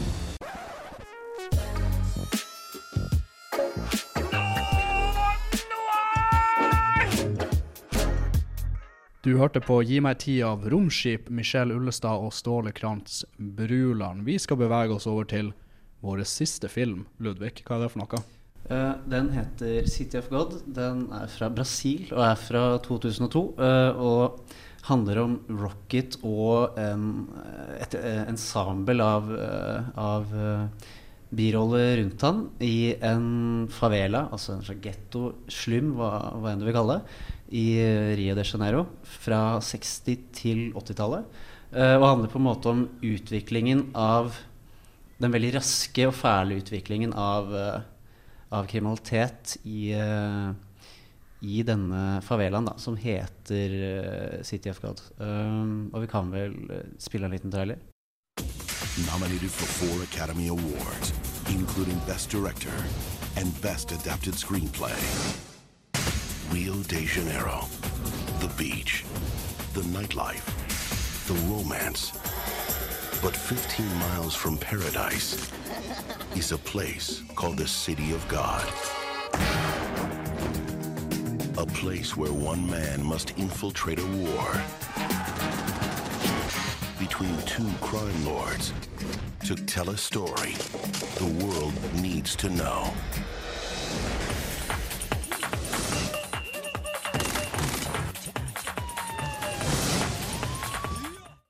Bare stoppe ned. Jeg Ok, må traileren her, ja. Det der, er, det der er noe av det verste jeg har hørt. Og dette, dette er hvorfor jeg hater trailere fra 2000-tallet, og spesielt amerikanske trailere på internasjonale filmer. For dette er så lite representativt til At- filmen. at Bare for å gi Jeg tar også selvkritikk her for, for, for min investigative journalism, det skal sies. For det jeg skal si er at dette Det første jeg skulle si, er at denne filmen er jo så sterk og vond på en helt annen måte, fordi her handler det om gjeng- gjengkriminalitet som starter med barn. Så jeg bare Men når den starta, så hører jeg sånn This summer, children are dying in the streets in Brazil. and it's actually very awful when kids die in the street and they shoot each other. Skal, skal vi gjøre et nytt forsøk da på å prøve å sette den egentlige stemninga som denne filmen prøver å formidle? Ja, Ludvig, det vær så Det er skamløst innsalg, det der, ass. Eh, nei, det begynner jo med Rocket og disse menneskene rundt han da, som er barn på starten. Og på en måte Det er en gjeng Det er viktig å påpeke at denne filmen hopper litt sånn fram og tilbake. Den er ikke fullstendig Hva kan man si? Den er ikke fullstendig Lineær, lineær ja. men den er ikke sånn eh, hulter til bulter eh, gæren ikke-lineær, på en måte. Uh, fordi det er jo i, Det er voiceover av Rocket, og han forteller om alle disse menneskene rundt seg. Så uh, han er på en måte hovedpersonen, men du lærer mer om uh, menneskene rundt han. Det du Eh, lærer om han, lærer du på en måte Gjennom de andre. Ja, gjennom hvordan han observerer alle menneskene rundt seg. For det begynner på en måte at broren hans og to andre var liksom de kuleste gutta i eh, i, liksom i hans del av uh, gettoen. Um, så finner man fort ut at de ikke er jo det i det hele tatt. De er egentlig noen sånn pysete som ikke tåler det kriminelle livet i det hele tatt. Men Ja, da er man pyste, ass.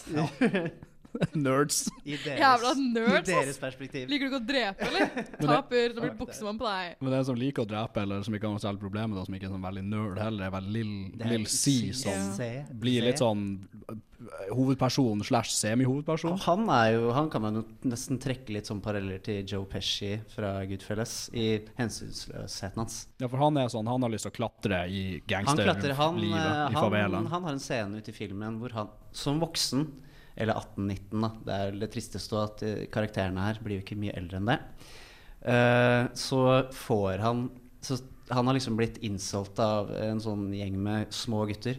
Så tar han tak i to av dem, og så skal han få han skal, De skal bestemme eh, hvem, hver for seg hvem av de som skal dø og ikke. Av de små guttene. Eh, nei, en tredje gutt skal bestemme Ja. hvem av de to andre. Slik var det. Eh, det er bare et eksempel på hensynsløsheten i han, og, um, og stemning i filmen som er så kontrast til de andre, er at her er det så veldig mye mer alvorlig, og filmen er så røff. Og det er Mm. både på et innholdsmessig plan, både på et skuespillermessig plan, skrevet, og ikke minst hvordan den ser ut. Den ser skitten ut. Mm. Altså, eh, det visuelle og lyden er Det er litt hakket, og, det, liksom, og du skjønner at det er meningen. Ja. Alt er, det er skittent, rett og slett.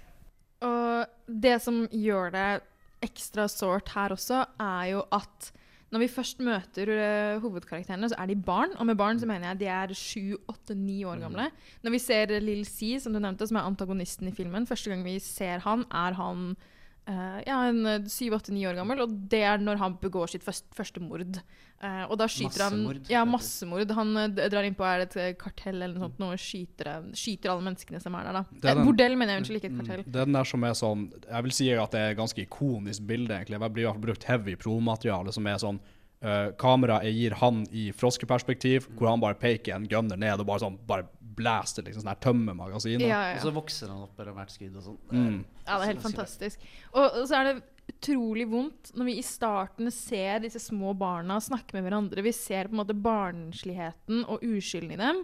Det er en scene hvor vi ser uh, Det er vel Rocket og en venn som bader, og så snakker de om sånn Å, jeg har ikke lyst til å begynne å selge fisk når jeg blir eldre, for jeg liker ikke lukten av fisk. De har sånne barnslige, vanlige samtaler.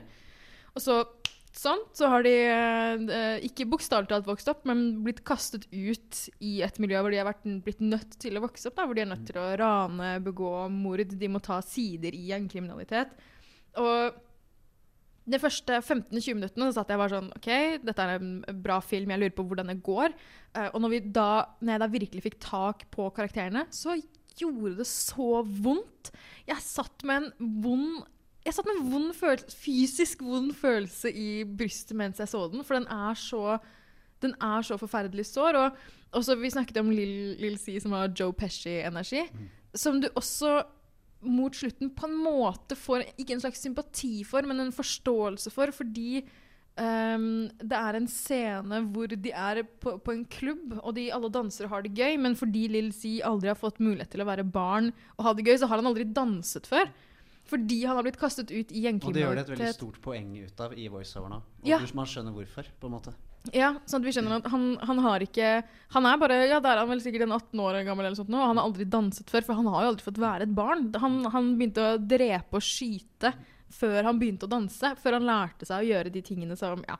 Så det vil si at denne filmen er stor kontrast til flere av de andre filmene, er at her er det ikke noe glamorisering. Mm. Her er det skittent og ubehagelig, og de gjør et poeng ut av at det skal føles ubehagelig for oss, som at vi sitter i, vi sitter i, i liksom en behagelig sofa i Mm. vårt trygge hjem og ser på hvor, For dette er jo en realitet for mange, og det er også basert på en sann historie.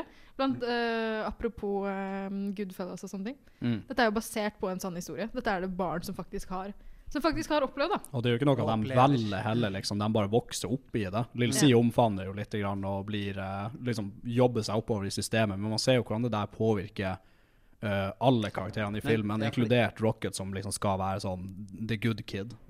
Ja, de, de beskriver jo også byen som uh, De beskriver byen som a beast. Og så sier de at if you try to run from it, they'll catch you. If you stay in it, they'll eat you. Eller sånt noe. Så du, må, du har ikke et annet valg enn å, enn å bli en del av miljøet, for ellers så dauer du jo. Ja, og symp, eh, sympa, sympatien til, til alle karakterene omtrent kommer jo fra konteksten. Mm. Altså, de har vokst opp her, de kan liksom ikke noe for det. Og som Kim sa, noen omfavner dette her, noen gjør det ikke i det hele tatt. Og så liker jeg veldig godt at For denne favelaen fins i virkeligheten, men jeg liker også veldig godt den detaljen at de eh, velger å spille inn den som heter City of God. Ja. For det fins ikke noe mer ironisk stedsnavn. Nei, sted. det fins ikke et mer For Gud, gudløst for Gud, sted. Gud, Gud er ikke der, ass. Det stedet der blir jo til en full on battleground utover i filmen, blir det ikke det? Ja, det må jeg bare si. Den, altså, altså, City of God får eh, Boston til å se ut som Lillehammer, liksom. Det er, altså, du, du tror du har det røft fordi du bor i, i. I Boston, ma. Mhm. Det, altså, det er ingenting i forhold til det miljøet som blir eh, vist i, i denne filmen. Og den er og den, den viser så godt dette med at vold avler vold. Eh, og at du kan ikke kjempe brann med brann, selv om det er det eneste valget du, du blir uh, etterlatt i. Fordi alle disse barna blir tvunget inn i et voldelig miljø. Også de barna som, som blir ofrene for, for de andre barna. ja, det slutter med at de tar over på nytt igjen. Ja, det, det går bare en sånn evig loop. og det er det som er så forferdelig. Det siste vi ser, er Lill C som blir drept av en gjeng med barn. Mm. Og så vet du at ok, men vi, vi blir på en måte liksom bitte litt glad fordi ah, endelig så har noen stoppet Lill C.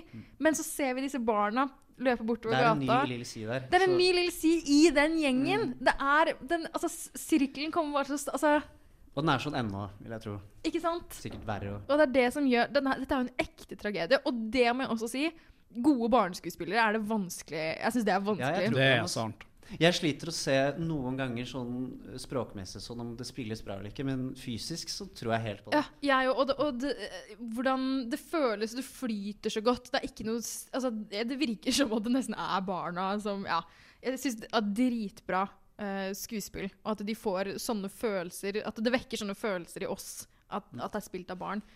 Fordi det er når jeg ser disse filmene, jeg begynte å se disse her, at uh, elsket mitt for disse tradisjonelle uh, gangsterfilmene på en måte Det er ikke, kanskje ikke hovedgrunnen til at jeg liker de mindre. Det er, mer, det er mer en sånn filmsmakgreie. Men disse filmene her utfordrer de tradisjonelle veldig mye.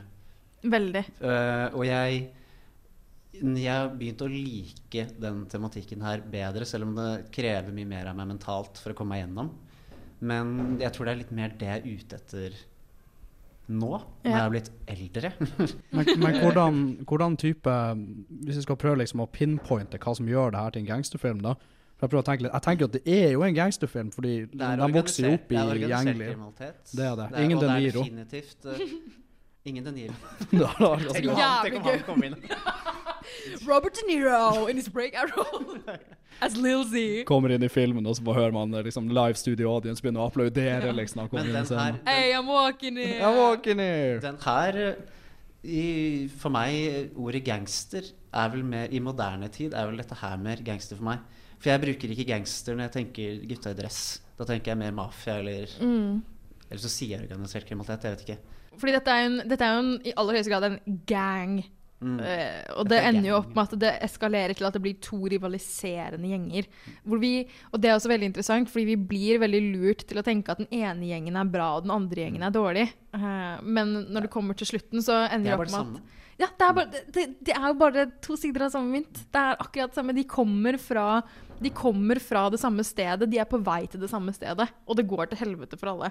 Og det var en Jeg skrev ned en replikk som var så vond, som også kommer frem helt mot slutten av, av filmen, hvor det er en liten gutt som prøver å eh, han vil bli rekruttert inn i en av disse gjengene. Uh, han gutten her kan ha vært en syv-åtte år gammel. da. Og så sier han at jeg har lyst til å bli en, en del av deres gjeng, for her tror jeg at jeg vil være trygg. Og så begynner de andre i gjengen å le av han da, og sier sånn Hva mener du? Du, du, er, bare en, du er bare et lite barn. Hvorfor skal du være med her? Eh, og så sier han A kid, I smoke, I snort, I've killed and robbed, I'm a man.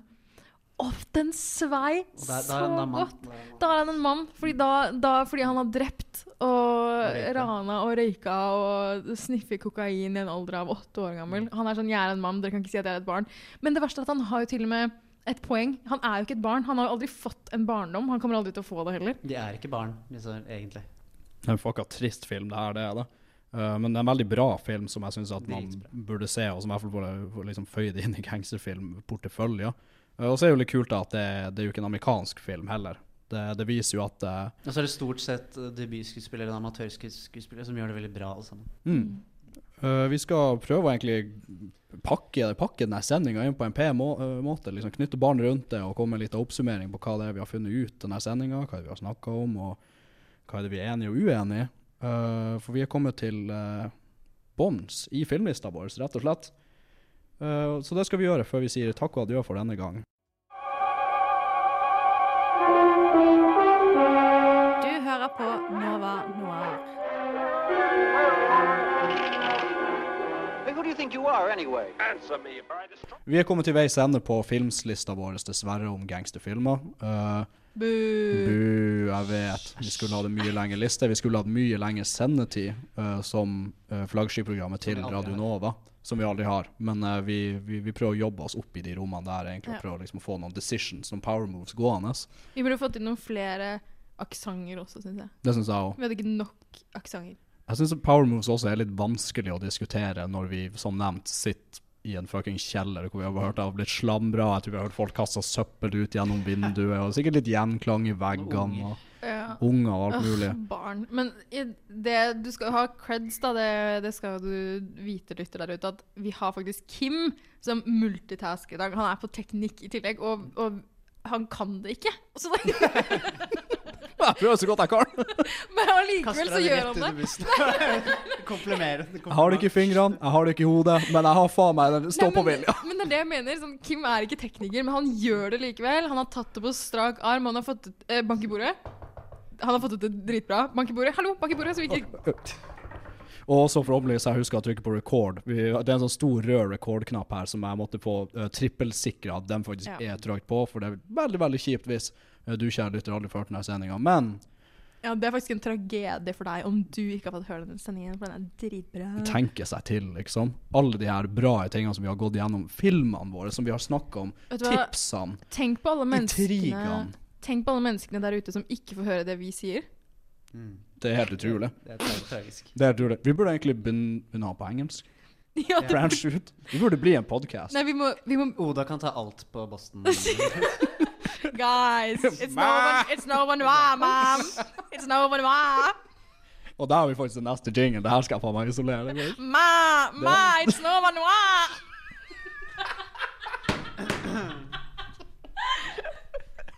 Har du noe mer jeg skal, skal fyre på med noe mer er gang? jeg tror det går fint. I'm walking here. I'm walking to no one Noir. You come to me at the day of Nova Noir. I'm walking to noir. You can't handle the noir. Jeg skal bare Jeg skal bare Stopp en hal! Stans umiddelbart. Vi skulle ta Nå nå skal vi nu, uh, Som lovt så skal vi ta den jævla sendinga her. Vi skal knyte et pent jævla bånd på. Vi skal pakke det fint sammen. Øh, og prøve å komme tilbake til hva det er vi har der, snakka om. Hva for noe? Begynn på nytt der, kanskje. Vi kanskje. Nei, vi vil ikke det her. Nei, vi, Dette er gull. Vi, vi, roller with the, vi roller with the punches. Vi roller with the punches, og det her er prima jingle-materiale som jeg aldri kunne klippe bort. Ever. Uh, men OK, la oss gå litt gjennom lista vår. Vi, har- vi snakka om Goodfellas fra 1990. Vi har snakka om The Departed fra 2006. Vi har snakka om City of God fra 2002, tror jeg den var fra. Yes. Og vi kom vel egentlig fram Og til Jackie at Brown, Og Jackie Never Brown. Forget. Om forlatelse. Fra 1997. 1997. 1997, guys. Ma. Mæ. Skal vi begynne på en soul-versjon også?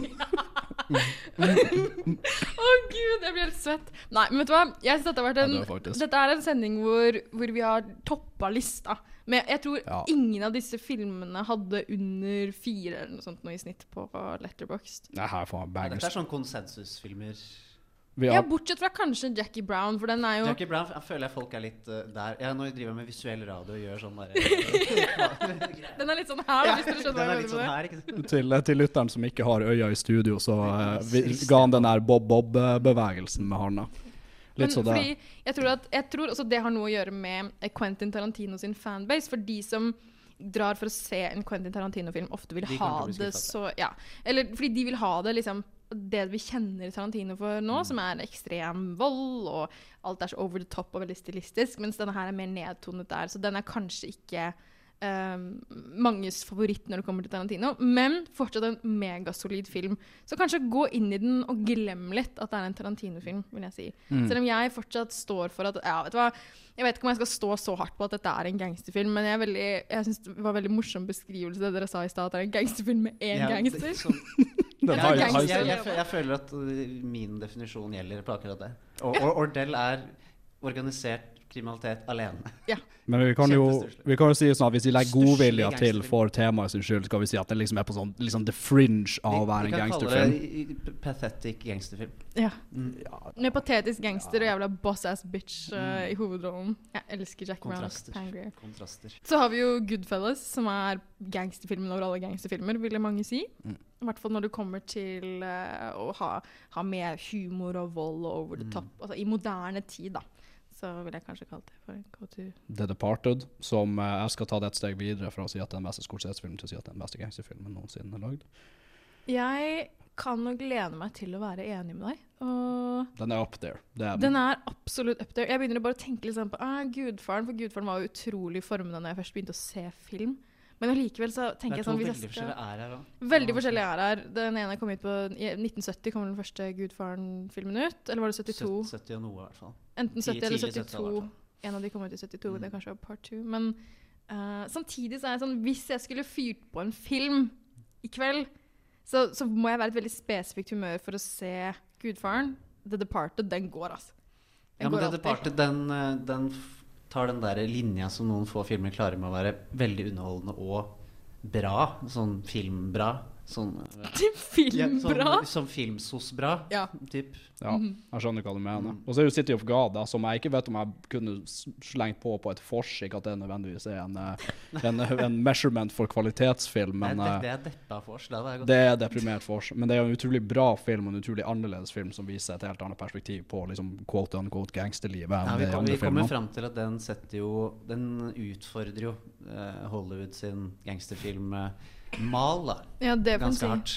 Men, det, men nå fikk jeg bare en idé til en ny, ny sending uh, vi kan ha, som er Alle velger en film som er Hvilken film kan man velge som hadde ødelagt stemningen mest på vors?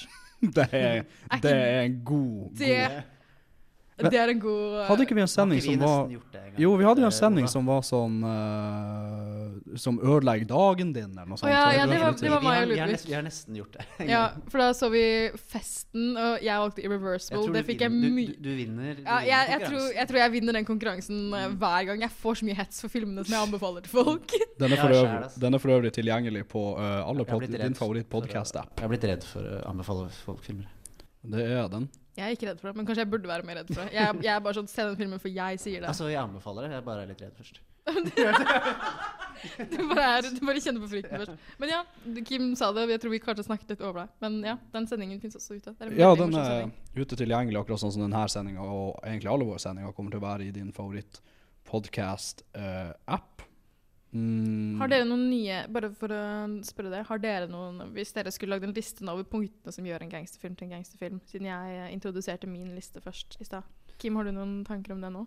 det er sånn, Toppnivå var det vi sa. eh, organisert kriminalitet. Og så sånn undernivå Den kan jeg, jeg føler ikke at det, Jeg synes det er vanskelig å ta elementer som gjør en gangsterfilm. Jeg tror det er lettere å ta filmer som ikke gjør en gangsterfilm. Så Uh. toppnivå organisert kriminalitet. Det kan liksom ikke være en eh, western. Den kan ikke bare være Den kan ikke lene mer mot sånn heist-aktig, som jeg kanskje syns at Jackie Brown gjorde. Uh, og ikke nødvendigvis De De- De Niro må ikke være med, men det hjelper veldig på. Uh, og så tror jeg at det må lene veldig inn til hvordan, hvordan den velger å portrettere gangsterlivet. Hvis den liksom går for at det her skal være litt sånn, her, litt sånn kult og liksom flashy og alt mulig, sånn type Goodfellas, så gjør den det. Og hvis den skal gå inn for at det her skal liksom vise at det her er et jævla dritliv som noen bare er nødt til å leve fordi de er, trakk et dårlig lodd i livet, sånn som City of God, så går du all in på det. Eh, nei, jeg er ganske liberal på det. ass. Jeg tenker at det egentlig bare må være kriminalitet som er organisert på en måte. Det være seg coke i Rio, og du er to stykker, eller en stusslig Samuel Jackson. eller Nei, jeg er ganske Jeg tror jeg går på gefühlen, jeg, altså, Det, som Oda sa. Hvis jeg føler at det er en, så, Ja. så er det en, på en måte. Så det er ingen av dere som nå har på lista deres at en av kriteriene er at jeg må føle at det er en? Altså Oda Krüger må føle at Altså, du, du Oda? Ja. Ah, ja. det er ingen av dere som skrev på lista sånn Oda må synes at dette er en gangsterfilm, på dette skal være en gangsterfilm. Jeg Må synes jeg en sende god- søknad til deg? Ja, ja, jeg dere- spør ut, sende ja, nei. Jeg syns intuisjonen din på det er ganske solid, bare for etter at du liksom medga at Jackie Brown ikke var veldig gangsterfilm. Er ikke veldig gangsterfilm, men en jævla rå film. Det er den, absolutt. Det er Eh, en awesome film som er bra. Uh, så egentlig alle på de her filmene vi har på denne lista. En uh, stacked jævla cast. Jeg vet ikke om det er så mye mer å si, egentlig. Jeg har stortrivdes her i den her uh, semi-fritzelskjelleren som vi sitter i på Chateau Neuf, liksom. Og snakker Er om gangster. Fritzel gangster? Uh, nei, det er ikke organisert. Det er en lone wolf. Altså, den kjelleren- ikke De Niro, håper jeg. Kjelleren var jo Ikke noe De Niro cameo i Fritzel-kjelleren. I'm walking uh, in the basement. Ma! OK. Eller pæ, kanskje. Unnskyld, nå prøvde Kim å runde av, og jeg var sånn No. vi, vi, bare, vi kommer Jeg aldri føler at det er en fin, fin Vi kommer aldri til å forlate den kjelleren. Nei, vet du hva, nå eh, knytter vi det her sammen. Det har vært en sann fornøyelse å tilbringe en onsdagskveld med dere i denne kjelleren, det må jeg si. Uh, gangsterfilmene, vi har listet dem opp. Gå og se dem hvis du ikke har sett dem. Vær så snill, de Ja. er så faktisk bra. De er tilgjengelige Se alle fire. Alle fire, og du finner dem på det meste av liksom, strømmetjenester. Eh, og da er det ikke noe mer annet å si uh, takk for oss. Jeg har vært Kim Sverre Hilton til min høyre. Oda Krüger. Til min venstre. Ludvig Wiltil. Og ha det bra. Ha det. Ma.